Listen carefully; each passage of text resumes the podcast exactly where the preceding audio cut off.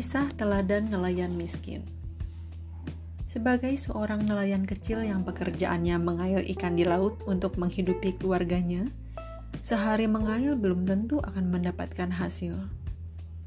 Namun ketika seekor ikan menggelepar terkait mata kailnya, tiba-tiba datang seseorang dan merampas hasil tangkapannya.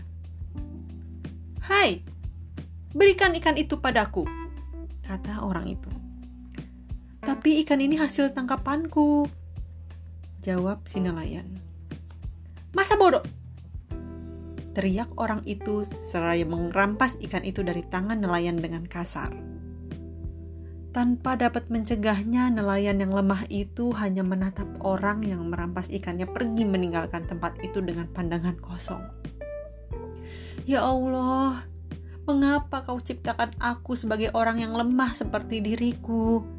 Dan kau ciptakan orang lain lebih kuat dan gagah, sehingga dia bertindak sewenang-wenang kepada orang yang lemah seperti aku ini.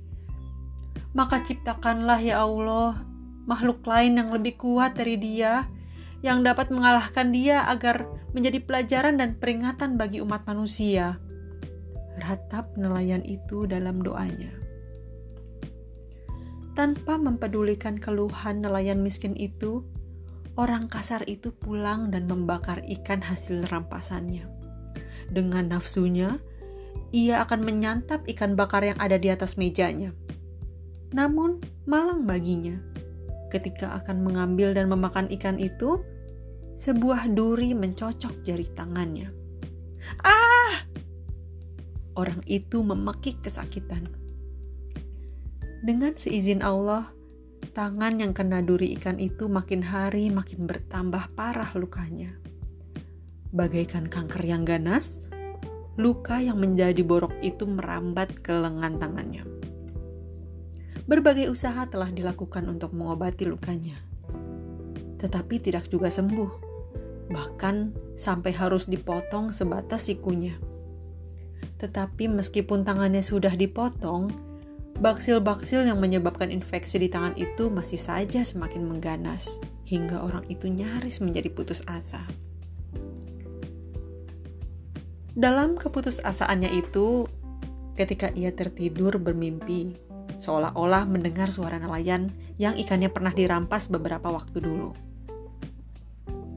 Kembalikan hak itu kepada pemiliknya.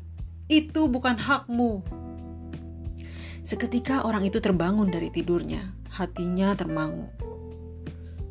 Ada perasaan bersalah pada dirinya yang selama ini tak pernah disadarinya.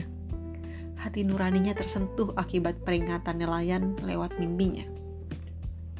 Ya, itu memang bukan hak aku.